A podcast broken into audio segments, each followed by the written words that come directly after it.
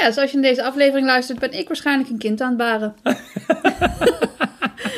ja, iemand zei al tegen ons van, ga je die live aflevering, ga je dat dan toch niet doen? Ja, dat gaat misschien toch niet gebeuren, maar dit is hem dan. Deze, deze de aflevering waar jullie zo meteen gaan, naar gaan luisteren. We zeggen trouwens dat het de 22e aflevering is. Het is de 23e. Zeggen we dat? Jazeker. Die uh, hebben we opgenomen met Bart Heuving, hoofd topsportbegeleiding bij AZ. En heeft ook het uh, boek geschreven Groeimindset. Um, ja. En die gaan jullie zo uh, horen. En ondertussen is Suzanne lekker aan het zoegen. Ja, en uh, ben even druk. nemen we weer een nieuwe aflevering op. Ja, over twee weken dan ben ik weer live terug. Oké, okay, nou veel plezier hè. Hoi hoi. Veel luisterplezier. Doei. Doei. Nee, hoi. Hoi.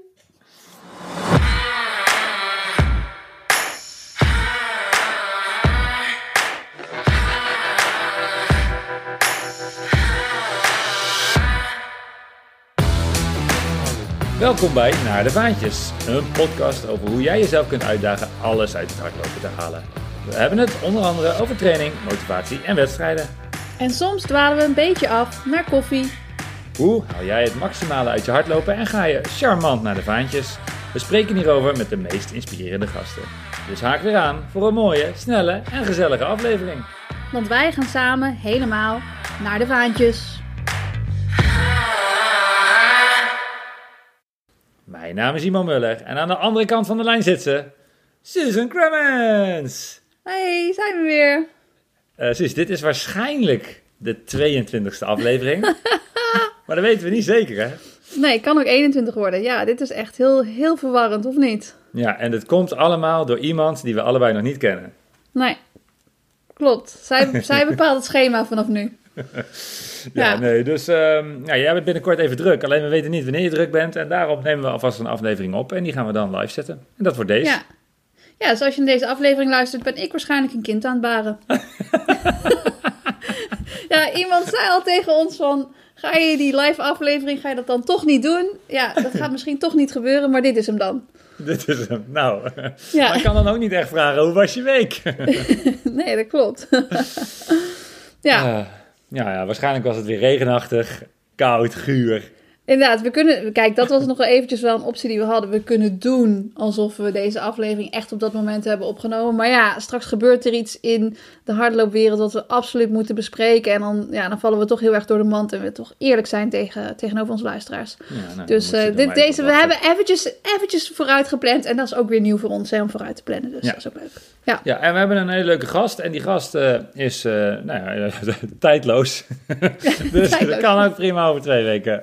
Ja. Uh, want dat is Bart Heuving. Hij is hoofd uh, topsportbegeleiding uh, van de AZ, de voetbalclub AZ. en houdt zich onder andere bezig met talentontwikkeling. Um, ja, hij is eigenlijk ook wel een soort mental coach volgens mij. Ja, um, wat in de sportpsychologie, ja. Ja, ja, ja. ja. Hij heeft ook psychologie en bewegingswetenschappen gestudeerd. Mm -hmm. um, dat was eerst denk ik wel een vies woord in het voetbal, mental coach. ja. Maar dat is wel, nou gaan we een vraag al redelijk in, ingeburgerd. Ja. Hij heeft ook een boek geschreven. Een groeimindset. Daar heb ik ook allemaal vragen over trouwens. Um, dus uh, nou, volgens mij heb, jij, heb gast. jij dat? Heb jij een goede mindset of, of weet je het nog niet? Ga je daar dadelijk achter komen? Um, ik denk dat ik dat op sommige vlakken wel heb, maar op sommige vlakken ook echt helemaal niet. Nee. Um, en volgens mij is er ook wel een verschil tussen mannen en vrouwen. Ja, ik weet niet of we deze kant op moeten, maar mannen zijn wel een stuk simpeler. Ik zou juist zeggen dat, dat, dat een man sneller het, het zelfvertrouwen zou hebben dat je iets kunt aanleren. En dat, dat, dat vrouwen misschien eerder zouden zeggen: uh, Nou, daar, daar ben ik niet goed in, dus dat hoef ik niet te proberen. Ja, mannen zijn per definitie volgens mij een stuk zelfverzekerder. Terecht of onterecht trouwens. Oh, zeker uh, onterecht natuurlijk. nou, nou dat wil ik niet zeggen. Is, maar, het is... ja, maar als je kijkt naar zelfontplooiing, dat zijn niet mm -hmm. echt termen die ik vaak bij mijn vrienden bespeur of bij mezelf. Nee? En, nee, vrouwen zijn daar toch wel meer mee bezig. Daar zou, zou ik meer mee bezig moeten zijn. Ja, oké. Okay. Ja, ik denk dan meteen gewoon heel praktisch. Ik dacht van ja, kunnen wij zelf een podcast maken en kunnen we die editen? En dan denk ik altijd van ja, gaan we gewoon proberen en dan zien we wel uit Schipstrand. Ja. Als je denkt dat je dingen kunt doen, en als je het probeert en als je dan de fout ingaat, dan, uh, dan maak je wel altijd wat mee, toch? Ja, dat is ook waar. Ja, zeker waar. Ja. ja, en ook als je dan geen succes hebt, hopelijk heb je er dan iets van geleerd, zodat je er in de toekomst wel in ieder geval beter in kan zijn. Ja. Dat is toch wel de goede mindset, of niet? Uh, ja, zeker. Ja, ja, ja, dat denk ik ook. En ik denk ook uh, dat... Ja, maar je kunt op, al, op allemaal verschillende ehm, onderdelen groeien. Um, en nou ja, wij hebben het natuurlijk veel over sport.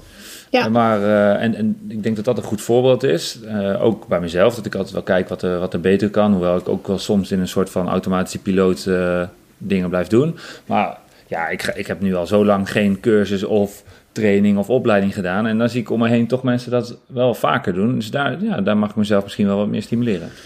Ja.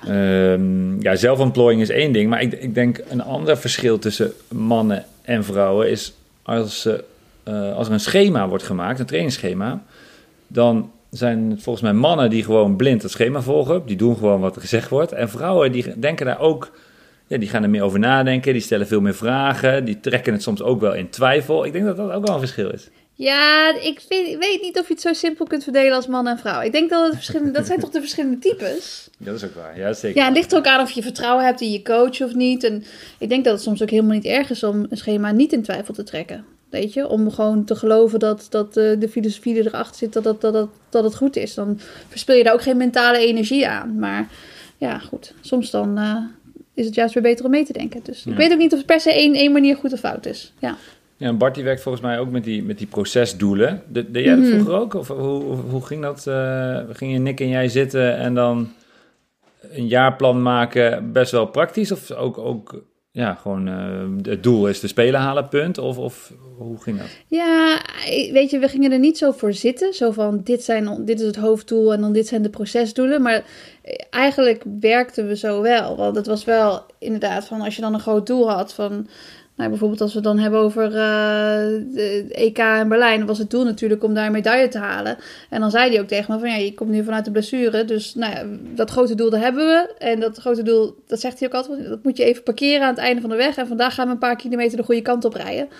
Uh, zo van, nou ja, je focus je nu op wat je vandaag kunt doen. En um, ja, ik denk zonder, zonder er echt heel erg, uh, zeg maar, sportpsychologie aan te hangen, verwerkt hij dat gewoon in de training en de gesprekken die we, die we ook hadden daarover. Dus uh, eigenlijk waren we daar best wel mee bezig dan inderdaad. Ja. Maar, je, maar je koppelde dat niet echt zo los. Dus had jij, had jij wel een mental coach of in be, of bepaalde periodes? Of, of was je nee, dat gewoon nee. zelf? Of, nee, ja, dat was ik, ja, was ik zelf, was hij ook wel. Uh, ja, daarom zeg ik ook, hij verwerkt dat ook wel in de trainingen. En, en uh, het telefoonboek, daar heb ik het natuurlijk ook wel eerder ja. over gehad. Dat hij zei van ja, iedere training is eigenlijk gewoon een dunne pagina in het telefoonboek. En nou ja, al die pagina's bij elkaar, die zijn zo sterk dat je niet kunt doorschuren. En dan ben je robuust genoeg om de training aan te kunnen om die grote prestatie te leveren. Maar daarmee maakte hij ook weer meteen iedere training en iedere wedstrijd die je deed eigenlijk uh, minder belangrijk. Dus dat je niet heel erg blind staart op één resultaat, maar dat je naar het hele proces kijkt. Ja. Dus eigenlijk ja, vertaalde dat op die manier heel simpel. Uh, zonder dat je denkt dat je bezig bent met sportpsychologie, ben je er dan eigenlijk wel mee bezig. Ja, ja. Ja. ja nou, ik ben wel benieuwd. Ja, sowieso. Hè, dus uh, hij doet het dan nu vooral uh, in het voetbal. Want natuurlijk ja. wel, ja, het is topsport, maar het is met heel veel dingen zijn denk ik wel de proces hetzelfde. Ook wel verschillend. Maar ik ben vooral ook wel ja, teleurstellingen, hoe wordt daarmee omgegaan, hoe pakt hij dat aan? Ik heb zelf ook wel eens motivatiedipjes. ja. ja. Ik ben wel benieuwd hoe hij daarmee omgaat. Zit je nu in een motivatiedipje met het weer? Ja, nou het weer is niet eens... Ja, het is meer een heel tijdelijk motivatiedipje. Ja. dus vooral als ik de deur open doe en het, en het regent. Maar dan ga ik wel. Nee, dat, maar meer gewoon, ja, ik moet wel echt een, een doel hebben om me heel erg te kunnen motiveren. Ja. En als ik Moet dat, dat een heel groot doel zijn of niet? Ja, ik denk het wel. Ja, en terwijl ja. soms heb ik gewoon helemaal geen zin in een doel. En is het ook lekker om geen doel te hebben, maar dan, ja, dan sla je ook weer makkelijker wat over. Of ga je net wat minder diep, of sla je een, gewoon een interval over die eigenlijk wel belangrijk is voor gewoon een rustig duurloopje. Um, en dat is denk ik ook wel gezond, maar soms uh, ja, duurt het misschien wel wat te lang. Ja, je kunt niet trainen zonder doel. Nee, denk het niet. Ik roep wel dat het soms echt heel lekker is. Maar ja, dan ja. gaat het gewoon bij mij heel erg op en neer. Dan ben ik de ene week, of zelfs de ene dag, weer helemaal gemotiveerd. En dan de dag daarna ja. denk ik, ach, laat me zitten, dat trainen vandaag. En vind je het belangrijk wat andere mensen uh, van jouw hardlopen vinden? Poh, nee. Nee. Ja, nee, dat denk ik niet. Ja. Nee, ja en, je, je doet niet voor de schouderklopjes? Nee, voor de kudo's. Nee, dat doe ik het echt niet voor. Nee. We hadden het natuurlijk in een eerdere podcast al over, eh, in die van eh Björn Koreman, zeg maar, het, het belang van samen Ja. trainen. Waar hij Ja. eigenlijk achter was gekomen. En dat is bij mij wel echt heel, eh, heel belangrijk. Zowel qua plezier, maar ook qua motivatie. Ja, en ook gewoon qua discipline. Want als je hebt afgesproken, ga je. En je komt altijd wel voldaan terug. Je hebt nooit dat je denkt, nou, was ik maar niet gegaan. nee, inderdaad. En daar zal Bart wel ideeën over hebben, ook als hij met talenten werkt. Dat natuurlijk dat, dat plezier, dat dat zo belangrijk is. Maar eigenlijk, eigenlijk verandert dat niet als je ouder wordt, hè. Het plezier is nog steeds belangrijk. Nee, hoewel ik denk met... eh, kijk, voetbal is natuurlijk altijd in een team. Tenzij je Hmm. geblesseerd bent geweest, dan zul je een, een individueel programma hebben. Maar eh, die groepsdynamiek is natuurlijk... Ja, kan echt extreem motiverend zijn als de Hmm. sfeer goed is. Ja, Dus ik denk dat dat ook wel een aandachtspunt is. en als je gezond bent. Ja, ja, ja. Ja, ik Ja, had- ja. nou, laten we maar erbij roepen en dan eh, nou, gaan we eens even luisteren hoe, waar hij allemaal mee bezig is. Ja. Goedemiddag Bart, goed dat je er bent man. Ja, eh, hartstikke leuk om hier te zijn. En eh, nou, voor hier te zijn, om te zijn, eh, jullie te spreken online. Nee, helemaal top. Ja, nou, we, we hebben je net al even geïntroduceerd en een van de dingen die jij hebt gedaan is een, eh, een boek geschreven, Groei, Groei Mindset. Ja. En ik was wel getriggerd door de ondertitel, eh, namelijk Kom los van je vastgeroeste overtuigingen en ontwikkel je talent. Eh, vastgeroeste overtuigingen, want dat, dat hebben heel veel mensen dus. Nou ja, dat is de ondertitel moet natuurlijk triggeren. Dus allereerst heel leuk dat hij jou getriggerd heeft. Dat is toch die ene verkoop, dat ben jij dus. Dus leuk je te ontmoeten. Nee, eh, alle gekheid op een stokje. Ehm, nee, we merken heel vaak dat de term groeimindset is echt wetenschappelijk. Maar voor ons, wanneer zit het vaak in de weg? Voor mij en Tim Koning, ik heb met hem geschreven, is dat mensen een vastgeroest, een vastgeroeste overtuiging bijvoorbeeld hebben. Ik ben niet technisch. En daardoor zich niet doorontwikkelen in een bepaald vak voor hun werk. Of denken, ik ben niet goed met links. Waardoor ze heel goed zijn met rechts als voetballer, maar met links niet. Of een sprinter die denkt, ik ben niet goed voor de camera. Dus laat alle extra marketing en podcasts en andere dingen, dat is gewoon niks voor mij. Dus een negatief vastgeroeste overtuiging eh, is, is, is, horen we vaak. Maar andersom ook een vastgeroeste overtuiging. Ja, ik hoef niet aan mijn voeding te werken, want mijn systeem werkt gewoon al heel snel en goed. En dat is voor mij niet nodig. Dus ook dingen die misschien als kwaliteit worden gezien, kunnen ook wel vastgeroest zijn. En kunnen je in het hier en nu in de weg zitten, maar zeker ook in de toekomst. Als je bijvoorbeeld wel voeding eh, nodig hebt. Als je denkt, ja, ik ben nou eenmaal een hele goede eter en alles werkt al. Dus nee, dat komen we heel vaak tegen zelfs, ja. En, en dus in sport, maar ook in, eh, ja, in, het, in het bedrijfsleven, gewoon overal eigenlijk. Ja, sport, Ook mensen. bedrijf, even studie zie je het heel vaak. Bijvoorbeeld, nou, misschien herken je het wel. En dan kijk ik jullie beiden aan. Hè, maar ja, ik heb gewoon geen talenknobbel. Terwijl hè, dat je dus eigenlijk bij voorbaat jezelf al buitenspel zet. En door die overtuiging niet gaat oefenen in je gedrag. Doordat je niet gaat oefenen in je gedrag, je resultaat ook is dat je niet beter wordt in Frans. Wat je overtuiging weer bevestigt. Zie je wel dat ik er niet goed in was. En als je dat loopje, Ja. dat noemen wij in het boek de OGR-loop. Als je dat maar vaak genoeg doorloopt, bewust of onbewust, dan wordt het op een gegeven moment vastgeroest. En ja, dat zagen wij heel vaak. Dat, dat sporters, want Tim en ik, Tim Koning en ik werken het meest in de sport. Dat we dachten van, hè, waarom gaan we niet aan die af- vastgeroeste overtuigingen werken? Wij zagen heel Ja. vaak dat mensen de tip, eh, de andere mensen, een sporter of iemand anders een tip gaven wat hij in zijn gedrag moest veranderen. En wij dachten, nee, wij gaan ons wat meer inzetten vanuit wel de wetenschap, Carol Dweck met groeimindset, op dat vastgeroeste overtuigingenprobleem, om het maar even zo te zeggen. En, en simpel gezegd, ik, als ik het over mezelf heb, je, je moet jezelf dan gewoon soms eens dwingen iets te doen buiten je comfortzone. Is dat het dan? Of is dat... Ja, dat is wel een van de tips. Alleen ja, dan wordt het al snel cliché, hè? kom buiten je comfortzone, dan is het goed. Nee, wij zeggen, in het boek beschrijven we drie onderdelen. Ga het nou eerst eens gewoon begrijpen. Wat ik net uitleg met overtuigingen, gedrag en resultaat. Ga eerst nou eens voor jezelf begrijpen hoe overtuigingen invloed hebben. Ga het dan herkennen. Hè? Dus niet alleen begrijpen in het algemeen, maar ga het bij jezelf herkennen. Wanneer heb je een vastgeroeste overtuiging en wanneer een open overtuiging, een groeimindset. En dan drie is inderdaad jouw tip, eh, of, of tip in ieder geval wat jij zegt. Dan kan je naar veranderen gaan. En dan is af en toe inderdaad gewoon iets gaan doen, is zeker een oplossing. Alleen ja, als dat het enige was, hè, dan, dan ja, was het wel een hele makkelijke oplossing. En, en eh, los van gewoon gaan doen, zeggen wij heel vaak ook: nee, zorg nou dat je ook echt begrijpt hoe leren in het brein werkt, neuroplasticiteit. Want als jij het mechanisme begrijpt hoe, hoe dat werkt, hè, dus, dus hoe leren en, eh, in het brein werkt, ga je veel sneller ga je uit je comfortzone. Want je denkt, ja, waarom heb ik dit eigenlijk nooit gedaan? Dit is gewoon iets wat ik kan leren. Dus, dus buiten comfortzone is wel één van de, maar wel, eh, er is meer. Ja, dat is een beetje als de marathonloper die zegt: uh, Ik heb geen snelheid.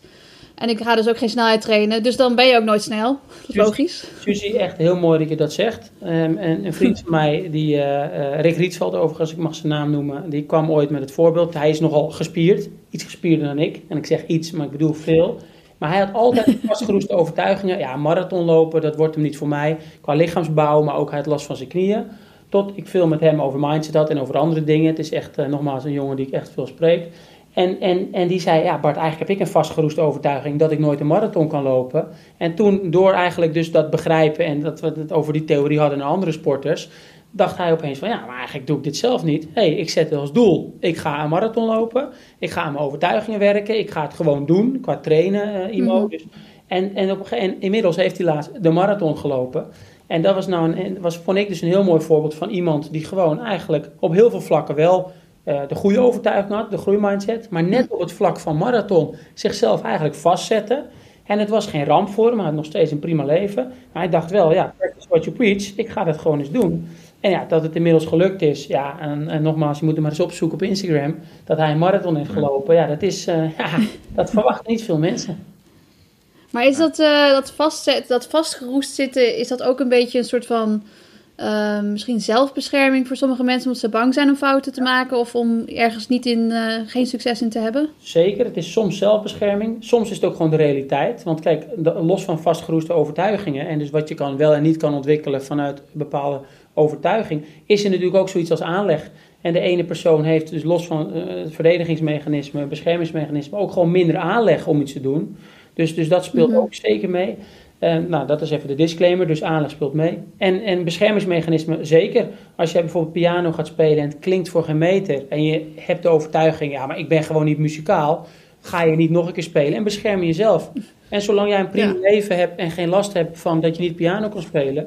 maar je wil niet weten ja. dat mensen als ze 50 zijn zeggen... ja, ik heb altijd gehoord van anderen, dus niet eens van zichzelf... je bent niet muzikaal en ik baal er zo van dat ik geen piano heb leren spelen... En dat ik dan zeg, oh nou, ga er dan lekker mee beginnen. Ja, maar dat kan toch niet? Ik ben nu te laat. En ik zeg, nou, uh, vergis je niet, tik maar eens op YouTube in. Als je elke dag piano voor een uur gaat spelen, hoeveel progressie je kan boeken. Dus dat IMO ja. is ook eentje om te veranderen, is je progressie, een hele kleine progressie, je ontwikkeling zichtbaar maken. Dat is heel belangrijk om los te komen van die vastgeroeste overtuigingen. Uh, dus nee, ja. zeker. Het is, het is soms zelfmechanisme, soms aanleg. En soms wordt het dus ook echt door anderen gewoon nou, neem op school wordt gezegd, want jij bent niet slim. Dat, dat wordt gewoon niet heel vaak gelukkig, maar wordt af en toe gezegd. Dan is het geen zelfverdedigingsmechanisme, maar is hij gewoon vastgeroest door, door eigenlijk invloed van anderen. En dan heb je volgens mij ook nog, uh, volgens, mij, sorry, volgens mij heb je dan ook nog uh, vastgeroeste overtuigingen, zeg maar onbewust. Ja. Dat je niet, zeg maar, uh, kijk, als je wel de wens hebt om piano te spelen, goed voorbeeld trouwens, want Niks. Dat, doe, dat, dat, dat, dat omschrijf je mij, denk ik. Um, ik zou het heel leuk vinden om te kunnen, maar daar heb ik echt geen aanleg voor. Maar uh, um, dat er ook heel veel dingen zijn die gewoon helemaal niet in je systeem zitten, ja. dat je dat uber, ja. dat het een optie is, zeg maar. Nou ja, dat, dat, dat is precies waarom we dus ook het boek hebben geschreven. Is, is, voor sommige mensen is dit al een issue en die zoeken, die kennen de term groeimindset, dus die zoeken uh, boeken op, podcasts, artikelen. Um, maar voor sommige mensen hebben helemaal niet door, inderdaad. Is het gewoon onbewust, zit zich, zichzelf in de weg. Hebben voor de rest een, een, prima leven. Je hoeft dus ook niet ons boek te lezen mm. als je helemaal in de put zit. Maar hebben zoiets. En dan leer je die theorie, of je leert dus begrijpen hoe het werkt. Dat ze dan opeens eigenlijk die onbewuste overtuigingen, doordat ze er meer begrip en taal voor hebben, dat ze opeens die overtuigingen bewuster worden. En, en dat, is, dat, dat is dat stukje van dus begrijpen en herkennen bij jezelf. Mm-hmm. En ja, dan gebeuren er vaak hele mooie dingen. Want dan zeg je, oh, ik had eigenlijk helemaal niet door. Maar ik zeg altijd, als het gaat om koken, nog zo'n simpel voorbeeld. Ja, ik kan gewoon niet koken. Nee, je overtuiging is, koken kan je of niet. Daardoor doe je het niet. Waardoor je resultaat is, je ontwikkelt niet. En dan opeens... Zeker niet koken. Ik, nou ja, dat... En, en het is gewoon gemakzucht. Nou ja, dat, dus, dus los van het verdedigingsmechanisme, soms ook gemakzucht. En groeimindset en, en, en overtuiging betekent niet, je moet je in alles ontwikkelen. Maar, maar laat je in ieder geval niet in heel veel dingen beperken, onbewust of bewust, die je gewoon kan leren. Kijk, bij mij en Tim, Tim is dus de, de, de co-auteur van het boek, of de co-auteur, ik heb het samen met hem geschreven, is wij zagen dat ook heel veel mensen de liefde voor leren, die ze als kind hebben, kwijtraken door overtuigingen die of vanuit zichzelf vastgeroest worden, of dus vanuit de buitenwereld zo vaak gezegd worden. Hebben maar bijvoorbeeld ook, jij bent een toptalent. Dat is ook een vastgeroeste overtuiging. Als jij denkt, ik ben een toptalent, ga je veel... Hoef je niet meer te werken, toch? Precies, hoef je niet meer te werken, hoef je niet meer hard je best te doen. Maar ook, ga maar eens met feedback om. Als jij denkt qua identiteit dat jij een toptalent bent, wie is die ander dan om jou als toptalent feedback te geven? Ook dat is vastgeroest. Alleen zeg maar aan de andere kant van het spectrum van ik kan het niet, ik heb er geen aanleg voor. Heel de andere kant is ook uh, vastgeroest. Ja. Maar is het dan ook eh, als, als een toptalent een toptalent wordt genoemd, dat er dan uh, een soort van druk is die ervoor kan zorgen dat een toptalent eigenlijk uh, een soort van verlamd raakt? Nou, mooi hoe je het zegt. We hebben in het boek een, een stuk over, ook over spanning erin gegooid en stress. En wetenschappelijk is mm. bewezen dat inderdaad de statische mindset, de gesloten hand, als je veel toptalent wordt genoemd en dat wordt een vastgeroeste overtuiging, dat dat uh, stress verhoogt. Zelfs het cortisol level is nu aangetoond in een studie in Nature, dat hoger is vanuit die statische mindset. Um, dus mhm. nee, en mental health in de bredere zin zijn er nu veel onderzoeken gaande en een paar al gedaan, die ook echt zeggen, hoe meer jij de gesloten hand, hè, dus die vastgeroeste statische mindset, hoe meer je die hebt, hoe meer last je hebt van, eh, van ja, ja, zeg maar even mental health issues. Dus nee, die koppelingen zijn, zijn, er zeker. Niet de enige oorzaak, let op. Want het is niet, oh, ja. dit op en je hebt geen burn-out of geen, geen mental health issues meer. Zeker niet. Maar het hangt wel samen. Ja.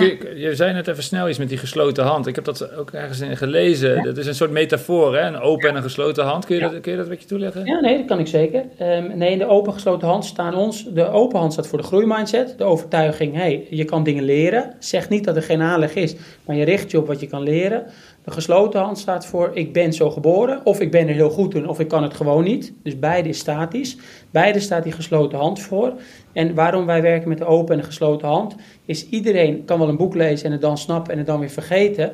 In ons boek gebruiken we de hand als metafoor. Juist met het idee, als je vervolgens op het veld staat en denkt met de gesloten hand, ik moet bewijzen dat ik een toptalent ben. Dan werkt het even om naar je open hand te kijken. Oh nee, ik ga me focussen op ontwikkelen, op improve, op het mm. verbeteren van. Dus we gebruiken ons metafoor in het boek, zodat die zeg maar terugkomt, de metafoor. Maar het is ook zeker een soort, uh, dat heet even om een stoer te doen, maar dat doe ik graag. Uh, embodied cognition heet dat in de wetenschap. Als jij kennis ook zeg maar embodied kan krijgen, belichaamd, dan, dan heeft dat een grote transfer naar de praktijk. Dus als je het boek gelezen hebt, hopen wij dat je die handjes zo vaak hebt gehoord en gelezen, dat je ook in, in de praktijk het gaat gebruiken als, ja, noem het eventjes, uh, dat is niet per se een wetenschappelijk woord, maar als een soort fysieke reminder. Ja. ja, heel goed. Ja, en dat gebruik je dus uh, veel in je werk uh, op de, op, je had het al even op het veld ja. uh, bij AZ. En dan werk je met veel jonge sporters, toch? Ja, nee, ik werk zowel met jonge sporters als met oude sporters. Dus eigenlijk de hele spectrum. En merk je daar een groot verschil tussen? Nee, nee ik, ik merk dat juist de, die mindset-problematiek die er soms zit, die gesloten hand eh, in verschillende leeftijden is. Moet je nagaan dat jij een jong spelertje bent die in zijn amateurclub altijd de beste was. En je hand dus eigenlijk dicht gaat door alle complimenten. Dan kan het zomaar zijn dat je heel erg last hebt terwijl je net bij AZ komt. Van wow, ik was toch altijd de beste. En nu verwachten ze dat ik ga verbeteren. Of nu moet ik opeens, uh, staat ik wel een keer in de wissel. Of lukt het niet, ik scoor niet zoveel. Dus dan zie je het. Maar je ziet het ook wel eens in oudere leeftijd, bijvoorbeeld weer door de invloed van de media. Nou, of ik jullie twee ken jullie niet goed, zo eerlijk moet ik wel zijn, maar jullie sporten volgens mij alle twee op een hoog niveau. Uh, oudere jongens komt er de invloed van de media weer bij, die, die bijvoorbeeld als het goed gaat helemaal opgehemeld worden. Dus dan is het mhm. fantastisch en ben je toptalent. Maar als het dan een keer minder gaat, hè, neem bij jullie zit een keer in de mindere fase, dan kan de media en, en de social media ook, en niet alleen de media als, als entiteit, maar mensen die, die kunnen je dan weer helemaal neersabelen. En dan ben je verschrikkelijk, je doet je best niet. Je kan, dus, in die, dus je ziet het op meerdere leeftijden. Alleen de oorzaak is vaak wel wat, uh, wat anders. Maar het is, het is eigenlijk een, een, een metafoor voor je persoonlijke ontwikkeling ook. Die, die hmm. statische mindset. Of die handjes en de, de wetenschap erachter. En, en, als jij naar andere sporten kijkt, hè, dus jij doet, zit natuurlijk zelf heel veel in het, in, het, uh, in het voetbal. Ben jij van origine zelf ook een voetballer? ja, voetbal en tennisser. Nee, in het oh, beschrijf ik ook, ik heb beide gedaan. En ik hou gewoon van alle sporten, dus ik kijk veel en uh, uh, ja, nee. Ja, en als je dan zo kijkt en je kijkt dan naar, naar andere sporten, ook, ook naar hardlopen en misschien niet al, ja, de marathon is natuurlijk vooral ook uh, mentaal spel, maar gewoon uh, naar, naar, andere sporten in het geheel. Zie je dan heel veel gesloten handen? Dat jij, dat jij soms echt denkt, ai, ja, ja jongens, kom op. Mooi, ik zie zeker veel gesloten handen, maar soms is de gesloten hand omhoog van, ik heb iets gewonnen. Dus dan... Ja, ja. dat is een grap. Nee, ik zie het heel veel. Maar laat ik positief beginnen. Ik zie ook de andere kant heel veel. Dus bijvoorbeeld, ik hou ook echt van wielrennen. Om deels zelf te doen, maar ook om naar te kijken. Ook een beetje natuurlijk nationalistisch met de Jumbo-Visma, die het goed doen. Maar ik volg ze al wat langer. Daar gebruiken ze echt ook wel de groeimindset om de hand van renners, van staf en anderen te openen. In het fantastische boek van Nando Boers, Het Plan, staat ook echt een, een, een paar pagina's gaan over groeimindset. Dus ik zie andere sporten die het integreren. Zwembond overigens weet ik ook, tennisbond. Maar ik zie ook in de praktijk de, de gesloten hand nog wel eens. Dat ik denk, hé, hey, iemand die zegt, hé, hey, inderdaad, ik, dan, dan, dan hoor ik uitspraken. En dan denk ik, hé, hey, het lijkt wel of die uitspraken door de gesloten hand komen. Dat weet je natuurlijk niet, dus dan ga ik niet posten, hé, hey, diegene heeft de gesloten hand. Ik mhm. probeer liever dan de positieve voorbeelden, hoe ik net al een paar noemde. Um, maar wel bijvoorbeeld Annemiek van Vleuten, in al haar uitspraken hoor ik de open hand. Ik richt me op mezelf verbeteren, op ontwikkelen. En dat betekent niet dat je niet wil winnen. Winnen wil ik ook, maar dat is dan de bonus. Niet, ik moet bewijzen dat ik talentvol ben, ik bewijs dat ik win en daarom. Dus zij richt zich heel erg op de open hand. En dan even zonder naam te noemen. Ik heb veel sporters gezien die bijvoorbeeld goud wonnen. En dan zeggen, ja, ik val in een leeg, uh, ik val in een zwart gat. Want ik was alleen maar bezig met, met goud winnen om te bewijzen dat ik goed genoeg ben. En nu ben ik het. En nu, nou, dan, dan hoor ik echt wel een beetje die, die gesloten hand. Alleen let op, een beetje. Want, want ja. Het, het, is natuurlijk makkelijk van de buiten, of het makkelijk, het is natuurlijk slaat nergens op om dan te zeggen, oh dat is de gesloten hand. Dat is, dat is te simpel. En Suzanne, jij dan? Hoe, als je terugkijkt naar, eh, naar je carrière, heb jij vaak met een gesloten hand uh, uh, jaren gehad met een gesloten hand? Nee, denk ik niet. Nee, nee, maar ik denk ook dat het komt omdat ik natuurlijk wel veel met tegenslagen te maken heb gehad. En dan moet je eigenlijk al, we hadden het net al even tijdens de introductie over procesdoelen en zo, dan moet je al wel stap voor stap ergens naartoe werken. En als je dan al gelooft van ja, uh, ik ben altijd geblesseerd, dus ik zal toch nooit uh, een medaille kunnen winnen op een, uh, op een EK. Ja, dan hoef je er eigenlijk niet eens aan te beginnen. Dus ik, ik had eigenlijk al bijna niet de keus, omdat ik vaak vanuit een nou ja, moeilijke blessure terug moest komen naar het hoogste niveau. En dan ga je gewoon stap voor stap te werk. Dus Um, nee, ik denk eigenlijk niet dat de gesloten hand, uh, heel, dat is niet mijn heel ding. mooi, uh, Suzy, hoe je dat zegt hoor. Uh, je ziet dus juist vaak dat een trigger voor de gesloten hand succes is. Als je nou maar heel vaak, heel vroeg, heel veel succes hebt, gaat die hand hmm. dicht. Want iedereen zegt, oh jij bent talentvol, oh jij bent goed, oh jij bent echt, oh ik wou dat ik zoveel talent had. En het klinkt niet heel negatief als je dat hoort, maar daarmee kan je wel onbewust iemand de statische mindset stimuleren. En juist tegenslag, niet alleen maar tegenslag of de ergste, maar dat zorgt juist eerder vaak dat de hand open gaat. In ieder geval bij jou dus, omdat je denkt: hé, hey, wacht even, ik moet nu dit gaan ontwikkelen, ik moet dit gaan doen, ik moet kleine stapjes. Maar let op, ik zie ook mensen, en dat zijn dan eventjes de Suzy in een parallel universum, um, is die een tegenslag heeft. En dan denk ik, ah, zie wel, mijn lichaam is niet geschikt, ik kan het gewoon niet. En die zegt het ook, en laat maar zitten. En dan dus drop-out of stoppen met een sport. Of nee, ja, handdoek in de ring. Ja, handdoek in de ring. Dat zie je wel vaak. Dat dus los van succes de hand kan sluiten. Kan tegenslag ook zeker de hand sluiten. Ik heb sporters gehad, uh, of los van, van, van marathonlopers of per se wielrenners, die ook echt zeiden: Ja, ik heb eigenlijk die gesloten hand gekregen door alle invloeden en alle tegenslagen van buitenaf en opmerkingen van. Dus dat hoor je ook wel eens. Dus dat maakt ja. meer een kunst dan per se een wetenschap. Het ligt eraan wat je er zelf mee doet dan eigenlijk. Ja, mooi. Ja. Maar net, uh, je zei net al iets over van, uh, dat het helpt om zeg maar uh, progressie zichtbaar te maken. En nou weet ik voor mezelf wel hoe ik dat zou doen. Maar wat heb jij als, als voorbeelden die jij dan met sporters gebruikt om progressie zichtbaar te maken? nou, het meest simpele voorbeeld is een sprinttest. Doe je in een voetbal een sprinttest, gaat iedereen zich met elkaar vergelijken. Helemaal niet erg. Mhm. Ik bedoel, dat vergelijken. Dat mijn zoontje is twee, die probeert al wie rent het hardst. Hè? Dat zit ook al in de mens, die competitie. In de een wat meer dan de ander. Dat herkennen ja. denk ik wel als topsporters. Uh, maar goed, dus competitie is niet erg. Alleen, dus dan doe je een sprinttest en dan zeg je, nou jongens, 1, 2, 3, 4, 5, 6 tot en met 20. En dan zeg je, oké, nu is het het doel. Wie gaat zich over zes weken, uh, dit is iedereen scoren. Nou leuk, 1, 2 en 3, prima. Maar nu wordt het doel over zes weken, wie gaat zich het meest verbeteren? En dan ga je kijken naar zes weken. Niet wie is dan nummer 1, 2 en 3. Dat zeg je wel even, hey, nu is die 1, 2 en 3. Maar je geeft even een progressiescore. En dan zeg je, nou, deze wint de kangeroeprijs, want dit is nu een jeugdspelertje. Deze heeft de grootste sprong gemaakt. En opeens iemand die misschien nooit bovenaan staat en dan zegt, ja, ik ben nou helemaal niet goed, die ziet, hé, hey, ik ben de kangeroe. En dan kan je dus in een groep dus progressie zichtbaar maken, waardoor je eigenlijk de hand van meerdere mensen opent, hè, dus de groei mm stimuleert. Dat is even in een groep. En voor jou in het klein kan het zijn, je maakt een meetlat met uh, op de, de, een horizontale en verticale as, dus meer een grafiek. En je zegt, hey, ik zorg dat ik hier een aantal weken neerzet en ik noteer hier mijn tijd. En uh, bij, bij hardlopen gaat het natuurlijk omlaag. En ik wil gewoon eens zien, hè, of je meet het met een horloge, ik wil gewoon eens zien of ik uh, bepaalde progressie boek. En vaak delen, gaan wij meer kijken naar anderen. Dus ben ik sneller dan die, heb ik meer Strava kilometers dan. Maar juist gewoon die progressie. Ja, nou ja, dat is, dat is ook menselijk hè. Maar, maar dan veel meer echt even jezelf verplichten om je met jezelf te vergelijken. Zodat je echt ziet, wow, misschien vergelijk met anderen word ik niet per se beter. Word ik misschien zelfs slechter, want die ontwikkelen zich ook. Maar ik zie ja. een ontwikkeling in een lijn, in een grafiek, in een ja, wat dan ook. Dat werkt vaak heel goed. Um, en dan even een breder voorbeeld, als het mag. Toen ik afstudeerde, dacht ik, ja, ik weet eigenlijk niet, kan ik wel wat? Het was bij psychologie. Ik dacht, ja, ik weet het niet, moet ik al gaan werken? En toen zei mijn uh, hoogleraar, uh, Edwin Hoofd, ik vergeet het nooit meer. Hij zei, Bart, ik kan nu allemaal gaan zeggen dat je wel goed bent en dit en dit. Maar pak nou eens je verslag van jaar 1, lees dat eens terug en dan weet je genoeg. Nou, toen lag, ja. lag 1, jaar 1, toen dacht ik, is dit voor dramatisch? Toen was ik er heel trots op, op uh, het verslag, jaar 1. Maar jaar 4 dacht ik, wow, ik ben enorm vooruit gegaan. Maar ik was zo bezig met waar wil ik naartoe, welke kant, dat ik dacht, ja, dit is eigenlijk, wat kan ik nou? Dat hij dat zei. En ook dat was progressie inzichtelijk maken. Uh, schaatsers, waar ik wel eens mee gewerkt heb, gewoon niet alleen naar rondetijden in een grafiek, maar ook gewoon naar je techniek. Ik zei, film nou eens elke week, laat je vader of moeder of trainer je techniek filmen. Plak die eens achter elkaar. Dan zie je, ondanks dat je tijden misschien niet vooruit gaan, zie je je techniek verbeteren. Ja. ja, naast die competitie, want ik ben nogmaals niet tegen competitie. Doe het vooral, Imo, en vergelijk het. Maar vergelijk je ook met jezelf voor die open hand. Ja, het is wel interessant wat je zegt ook met de techniek vergelijken. Want ik heb ook wel uh, oudere lopers die ik bijvoorbeeld coach. En die, nou ja, tussen de, de, tussen de 50 en 60 jaar zijn of zo. Nou, die gaan zich niet ieder jaar qua tijd verbeteren.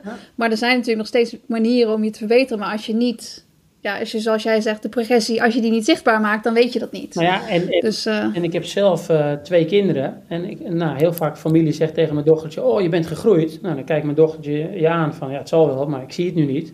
Wat hebben mijn vriendin en ik gedaan? We hebben een, uh, een, een, meetlat opgehangen in de gang. En dan mag ze elke maand staan. En dan zetten we een streepje. En als ze dan gegroeid is, dan ziet ze haar eigen groei op die meetlat. Ja. En dan zegt ze, wow, ik ben een centimeter gegroeid.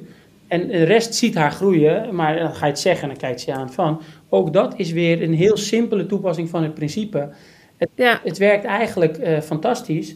Um, en, en ja, ik heb zelf dan de Aura-ring. Ja, ook daarin kan je gewoon prima, oké, ik slaap niet top. Ik slaap maar zoveel uur, maar oké, laten we eens kijken. Dan heb je van die trendlijnen die je kan doen per week. Dus niet per dag, want er zit ook wel eens een nacht bij. Maar dat je per week ziet, hé, hey, je score gaat nou, dan omhoog hè, qua scores. Dat je denkt, hey, oh ja, al die tijd die ik erin stop. In het slapen, in het goede dingen wel en niet doen. Vanuit boeken en kennis, hey, leuk, maar ik zie ook echt dat het effect heeft. Ja, dat, dat, dat doen games, uh, dat is een van de redenen waarom games zo verslavend zijn. Ik weet niet of jullie Candy Crush hebben gespeeld, maar zo fantastisch is Candy Crush niet hoor. Het is een dropstaan, limoen, uh, limoenschijf verwisselen. Maar waarom vinden mensen het fantastisch? Je ziet zo'n weggetje, maar dan ga je van 1 naar 2 naar 3 naar 4 en je ziet jezelf ontwikkelen. Ja, games doen, ja. doen dit fantastisch. Bijna te goed. Ja. We meer gamen dan... Uh, Daarom is uh, Strava zo verslavend, toch, Imo? ja, nou ja, Imo zit op Strava, ik zit, ik zit wel op Strava, maar ik doe er eigenlijk niks mee. Ja, het is uh, wel waar dat de progressie zichtbaar maken... Uh, ja. Maar Suzanne, jij begon ermee, jij, want jij, ik weet dat jij wel met habit trackers werkt. Is, is dat ook een vorm van ja, het, ja, het is eh, sowieso tussendoelen eigenlijk natuurlijk stellen. Maar nou, als we dan even weer teruggaan naar, naar een blessureperiode en daaruit komen bijvoorbeeld. Is het, nou ja, als je op begin, als je dan zeg maar alleen nog maar kunt zwemmen. En als je dan uh, sommige dagen ook gaat fietsen en dan de, de elliptico erbij pakt. Dat je dan inderdaad op een habit tracker dan gewoon invult. Nou, deze dag heb ik kunnen fietsen. En deze dag heb ik dit kunnen doen. Dat je dan langzaamaan ja, door de kleuren die de pagina vullen ziet dat je weer langzaamaan dichter bij het lopen komt. Zoiets. Maar bijvoorbeeld ook uh, ja, na een voetblessure dat ik uh, links uh, met mijn ogen dicht, als ik dan wilde gaan op mijn balans wilde houden, dat ik zeg maar maar 10 seconden kon staan voordat ik omviel. en met rechts kon ik het wel een minuut. En dat ik dat probeerde gelijk te trekken. En dat ik dus inderdaad gewoon ging bijhouden. Nou, hoeveel seconden kan ik eigenlijk met links blijven staan voordat ik omval?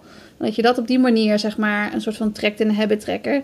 Ja, dan, dan zie je gewoon dat je vooruit gaat. En dan loop je niet per se harder, maar dat is wel een stapje dichterbij weer harder kunnen lopen.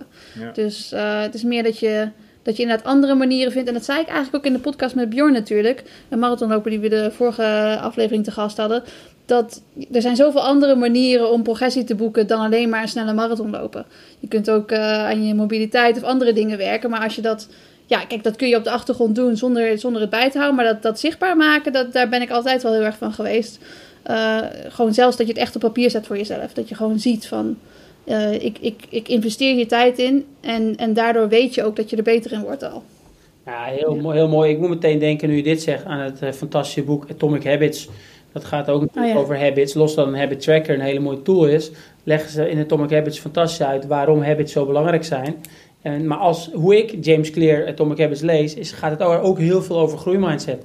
Het gaat niet om, jij moet dit resultaat behalen. Nee, jij wil een betere slaper worden. Dus een identity. Dus vanuit identity ga je iets veranderen, omdat je dat wil ontwikkelen. In plaats van, ik wil alleen maar het resultaat. Dus ik vind het, uh, nou, ik moest er meteen aan denken toen je dat zei. Ja, ja. Ja, ik heb zelf nog uh, nou, oh.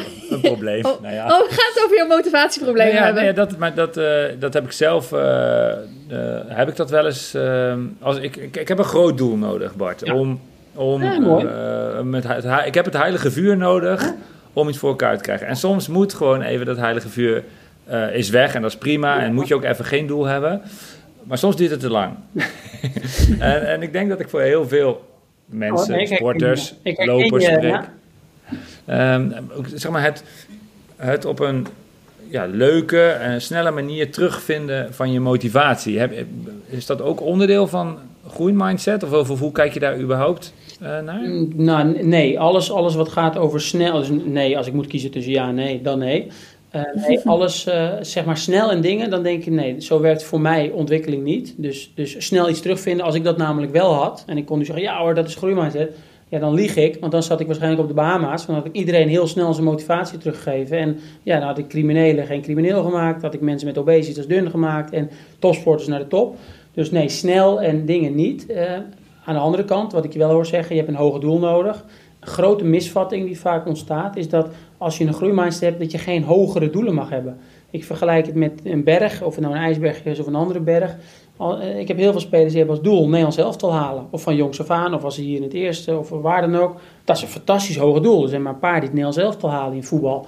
Dan zeg ik niet, oh dat mag niet. Dan zeg ik, oké, dit is de bovenkant van de ijsberg, Nederlands elftal halen. Wat worden je leerdoelen? Wat worden je tussenresultaatdoelen? Die kan je ook nog doen, maar laten we eens beginnen met leerdoelen. Wat ga jij ontwikkelen om uiteindelijk dat resultaatdoel te halen? Dus dan heb je het grote doel, geef je richting. En het heilig vuur wat je zegt, dat heb je nodig als een soort van daar wil ik naartoe. Grote motivatie. En dan zet je leerdoelen daaronder. Nou, dan zal ik aan mijn slaap moeten werken. Dan zal ik moeten ontwikkelen een betere techniek. Dan zal ik mijn voedingspacing anders moeten doen. Dan zal ik, nou, eh, tig voorbeelden wat voor jou dan belangrijk is. Dan zal ik aan mijn mentaliteit moeten werken. Als ik een keer geen zin heb, dat ik toch denk voor dat hogere doel. Maar misschien werkt een habit tracker dan ook. Dus ik ga leren hoe dat zit. Dat ik vroeger altijd dacht, oh, dat is niks voor mij. Een vastgeroeste overtuiging. Dus dan koppel je eigenlijk je grote resultaatdoel, wat niet zozeer met groeimindset te maken heeft, maar gewoon met goal setting, wat fantastisch is. Hè? Maar die leerdoelen stellen, dat is nou wel echt de groeimindset.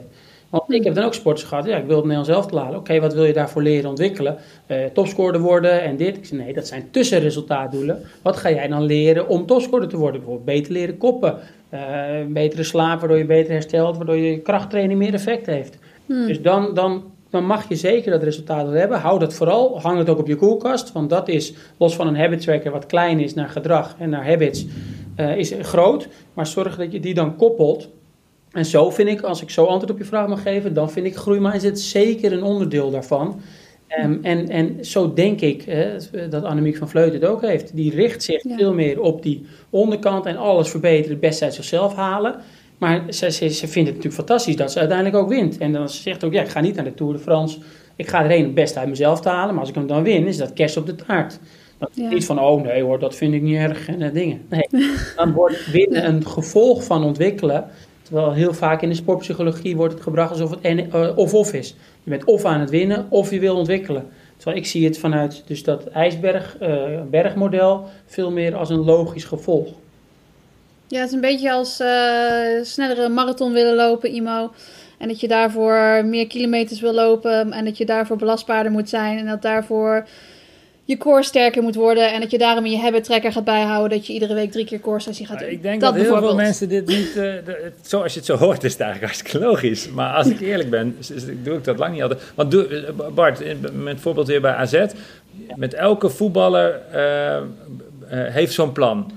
Of niet? Ja, de een heeft het uitgebreid, de ander minder uitgebreid. Maar de bovenkant hebben ze zeker. Wat is je einddoel? En de onderkant, ja, maar dat is niet allemaal met mij. Dat is met de trainers, met de mm. stopplannen heet dat bij ons. Spelen ontwikkelplan. Nee, ik wil meer. Dus, dus ja, in dat opzicht is het antwoord ja. Alleen de ene stopt er zelf meer tijd in. Nou, kijk naar Suzy, die houdt alles bij. Die koopt een oude ring, die maakt die ontwikkeling. En van slaapzichtbaar en van dit en. Nou, dan hoop je natuurlijk dat die het Nederlands zelf wel haalt. Anders valt hij verhaal aan duigen. Nee hoor, ik bedoel, je vergroot de kans. Dat wil ik ermee zeggen. Nee, ik wil eigenlijk terug naar jouw eerste opmerking daarna. Dat je zegt, ja, zo klinkt het eigenlijk logisch. Um, dus dat, ik zeg dan altijd bedankt voor het compliment. Soms bedoelen mensen het niet als compliment. Ik denk, jij wel hoor. Maar ik kom het ergens en dan zeg je, ja, het is eigenlijk heel logisch wat je vertelt. Maar, maar dat iets logisch vertellen is, betekent niet dat het makkelijk doen is. Dan gaat het heel vaak mis dat wij, uh, of het nou sportpsychologen zijn of andere partijen, wij zijn heel vaak gewoon de basis van ontwikkelen en leren vergeten te vertellen en te doen. En we gaan met heel veel toeters en bellen. Uh, en ik ben niet tegen toeters en bellen, want ik heb hem ook om, hè, de oude ring. Dus, dus ik ben niet tegen, maar vergeet niet de basis. En de basis is, uh, vinden Tim en ik in ieder geval in het boek, de groeimindset. Oh, het is niet de enige basis, maar is onderdeel van de basis. Want, want als, dat niet, als je alleen maar naar de bovenkant kijkt, ik moet dit, ik moet dit, dan gaat je hand dicht van ik moet laten zien dat ik het kan. En dat kan even motivatie geven, maar wat nou als je het niet haalt? Is dan alles best? Is dan alles niet goed? Of je haalt het wel, wat ik zei over die gouden plak, en dan ja, maar nu, en nu dan? Want nu valt mijn doel weg. Terwijl als je meer ook aan die onderkant werkt, wat, wat elk kind doet. Hè? Ik bedoel, elk kind wordt geboren met de open hand en dat leert naar de wc gaan, leert lopen, leert lezen, leert schrijven, leert sporten.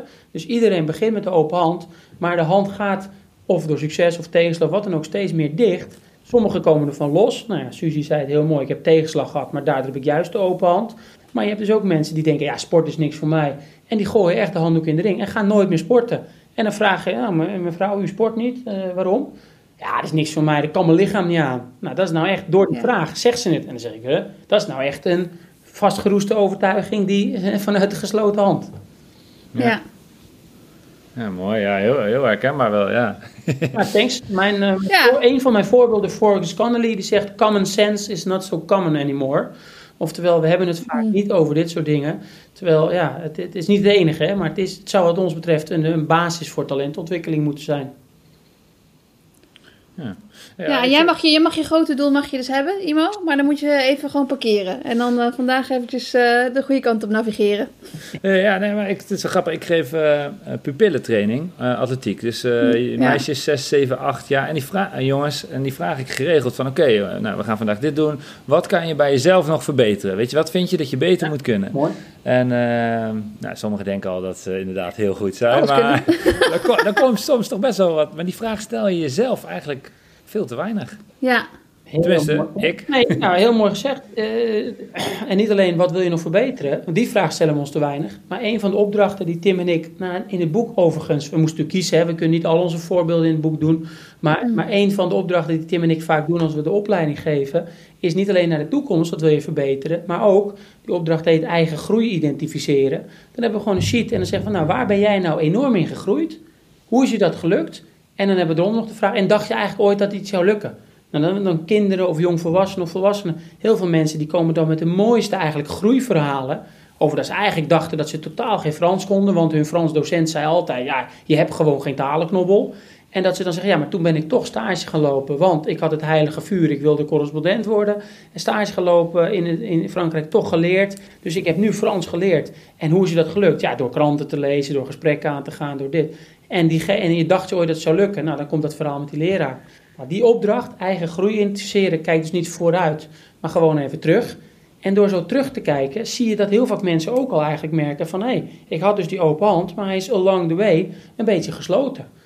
Dus, dus die, die juiste vragen stellen over de toekomst en over het verleden... is een van de manieren om te veranderen. Nou, ik heb meegeschreven, ja. Ja, meegeschreven. Je hebt even notities aan het maken, ja. nee, ja, nee. Nou ja. Nee, ik voel me nog af, want ehm, er zijn natuurlijk eh, bij, bij, iedere prestatie, maar ook bij een teleurstelling, dan zijn er allemaal factoren die daarin meespelen. En dan heb je dingen die, uh, waar je controle over hebt, waar je geen controle over hebt. En ik heb voor mezelf altijd wel heel goed, zeg maar, het verschil tussen die, tussen die, die twee categorieën kunnen zien. Hoe, hoe werk jij met sporters om, om ze, zeg maar, te helpen, nou ja, daartussen te differentiëren? Nou, daar gebruiken we eigenlijk jouw voorbeeld voor van waar heb je wel invloed en niet. Daar tekenen we twee cirkels, die kennen jullie misschien ook wel. Die heeft Mark Tuitert ook in zijn boek Drive uh, afgebeeld. Maar van origine komt het van de Stoïcijnse filosofie, waar zijn boek ook over gaat.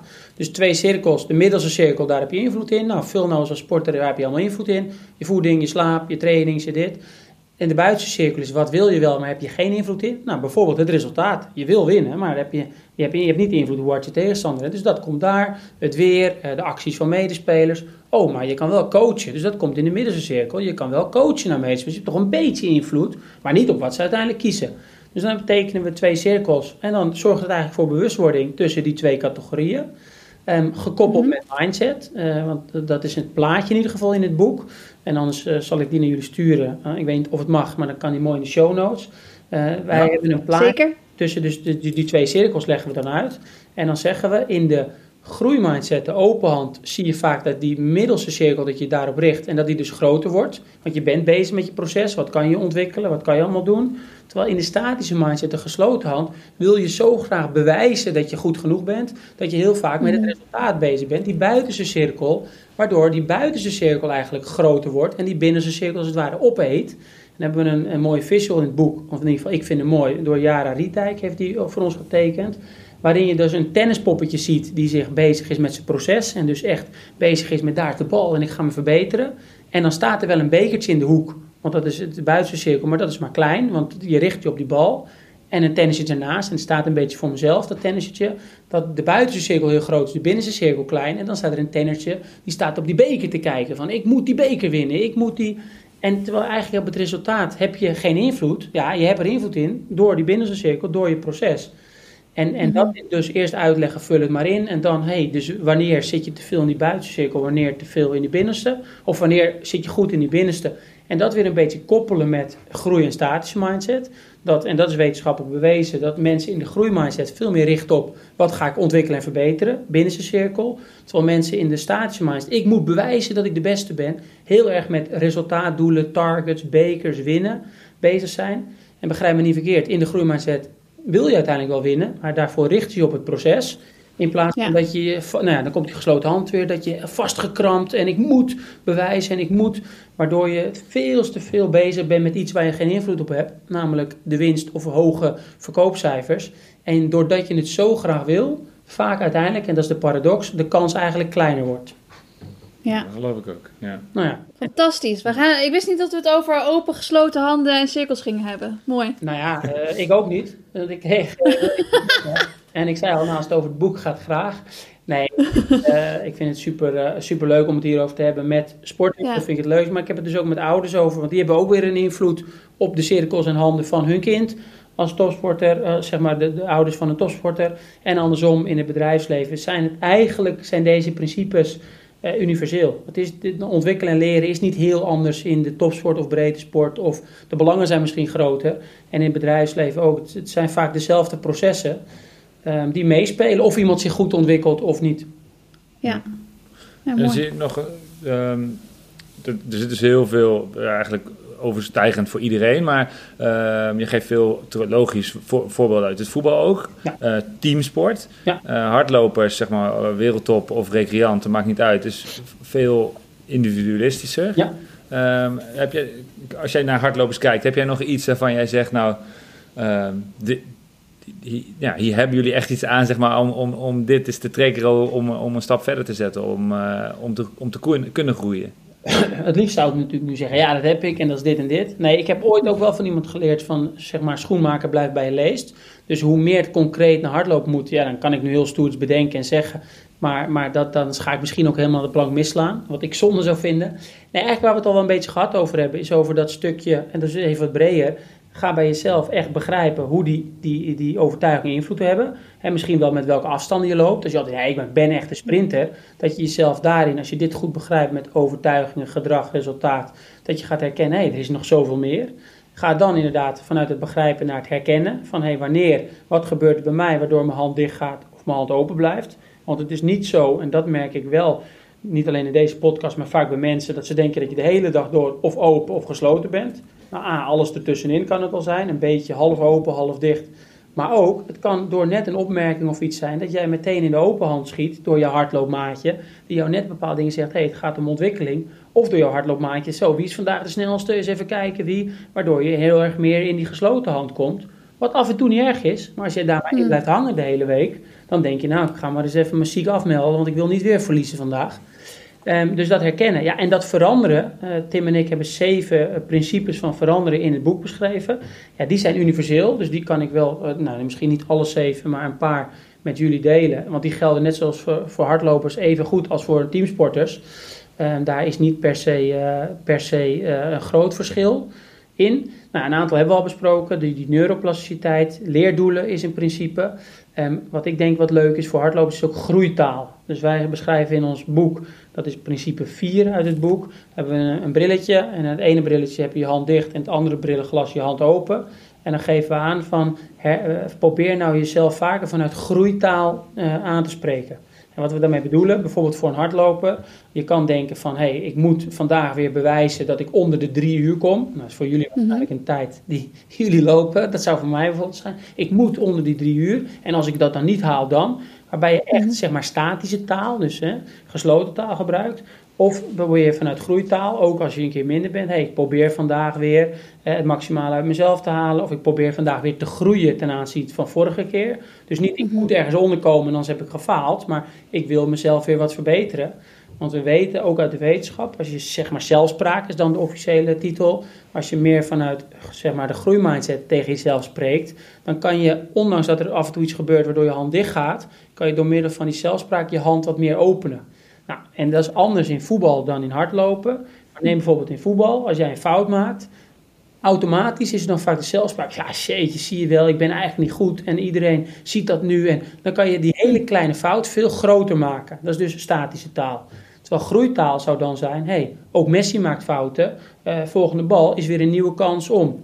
En dat leggen we uit in dat principe met meerdere voorbeelden door, echt niet alleen voetbal. Um, dus dat vind ik echt eentje die ook bij hardlopen geldt. Plus, wat ik met hardlopen zie, en dat is in principe, maar niet per se het laatste deel van het boek, maar het middenste deel. Juist doordat alles zichtbaar is in tijden bij hardlopers, gaan denk ik mensen zichzelf snel koppelen, hun identiteit, aan hun prestatie. En dat is eigenlijk statisch. Ik ben uh, een onder de drie uur loper of ik ben... Ja. In de groeimindset koppel je nooit je prestatie aan je identiteit. Ik ben een onder de drie uur loper. Nee, dan koppel je je prestatie aan het moment. Ik heb onder de drie uur gelopen. En dat klinkt nu als een heel simpel psychologisch verschil of een klein dat je denkt, hè, ik ben of ik heb.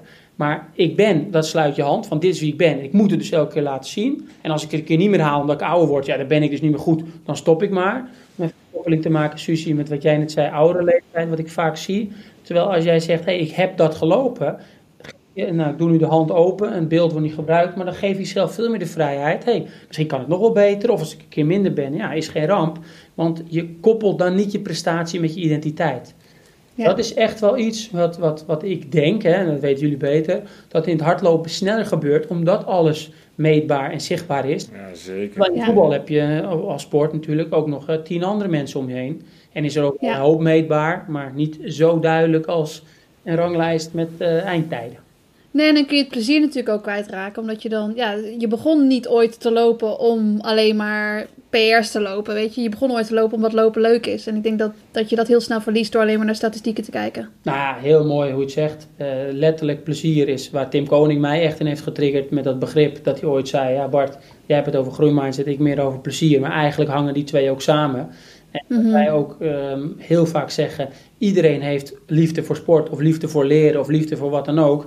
Uh, als kind krijg je dat, want dat is gewoon natuurlijk gedrag. Alleen ja. dat wordt helaas of door mensen zelf of door anderen afgeleerd.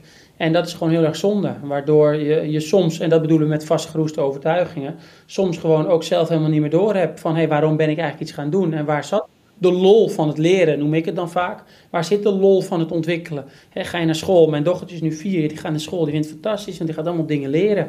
En ja. tegenwoordig, als dan als oudere mensen, niet per se heel oud, maar iets ouder dan ik, pff, ik moet die cursus doen voor mijn werk. Of, pff, Dat Ja. leren en ontwikkelen een soort van nou, gesloten hand. Van, ah, dat kan ik helemaal niet of is helemaal niet nodig. En dat de lol van het leren letterlijk ja, soms helemaal weg is. Wat, wat Tim en ik echt zonde vinden. Ja. Ja, ik snap het. Het obstakel is de weg. Dat is een stoïcijnse quote die ik eigenlijk toen ik die las dacht ik, ja, dit was mijn grote obstakel. En inmiddels Ja. helpt het me. Dus ja, is het dan wel zo slecht geweest? Om even mooi filosofisch te eindigen. Ja, ik denk dat heel veel lopers hier, zich hierin kunnen, hier, zich hiermee kunnen ide- identificeren. Nou, dat weten jullie beter, want ik heb wel af en toe de Dam tot Damloop gedaan toen ik nog bij de Perisport werkte. Ja, was het obstakel toen niet de weg? Nou, laten we zeggen dat ik niet door ben gegaan in het hardlopen. Ik ben along the way, ook door het voetbal met knieën en enkels, heb ik toen de fiets gevonden. Dus Ja. hardloopavonturen, die zijn wel geweest, maar dat is, niet, eh, dat is geen naar de vaantjes verhaal. Dat is gewoon een eh, de beginners, eh, beginners mindset verhaal.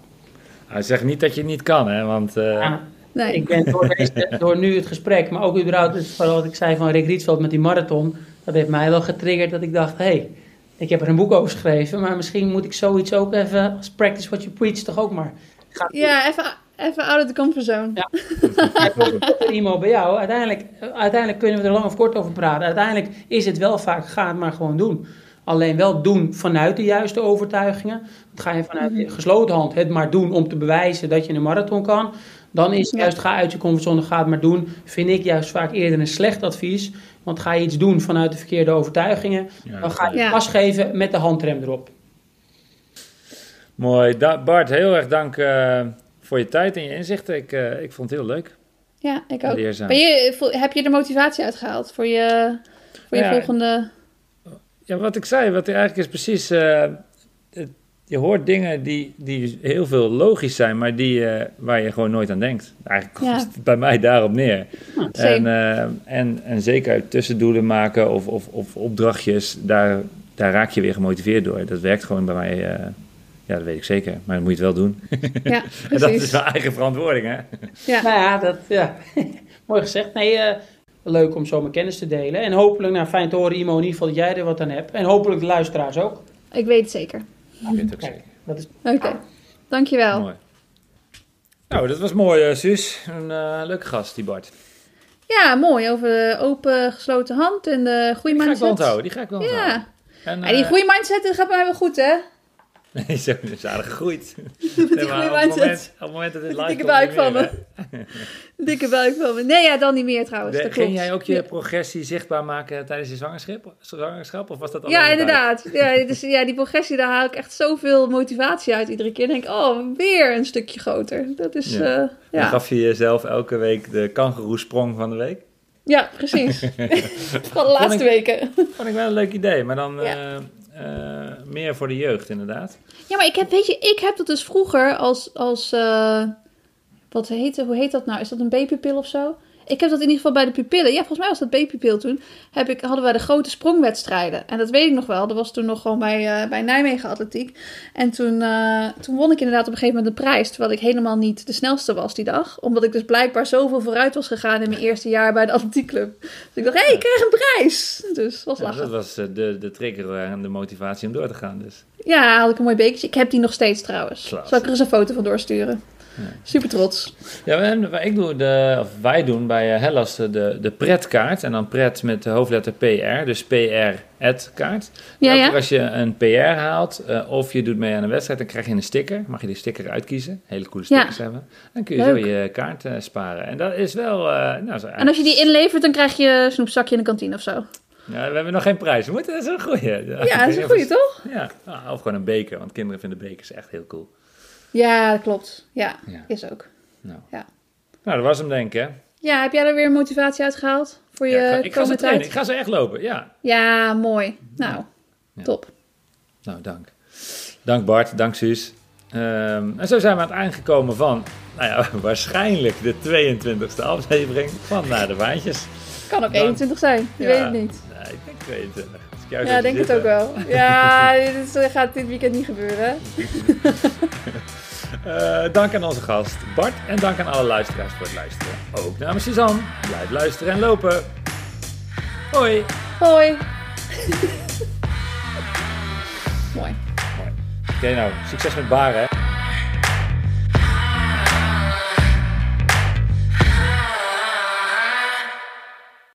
Oh ja, heb je nou een prachtige naar de vaantjes foto van jezelf? Post hem dan met de hashtag naar de vaantjes. Ja, of als je nou op social media een foto voorbij ziet komen van iemand waarvan je denkt, nou, die is echt enorm naar de vaantjes gegaan. Zet de hashtag er dan onder. Of je mag ons ook altijd taggen, naar de vaantjes podcast. Dan kunnen we allemaal lekker meegenieten.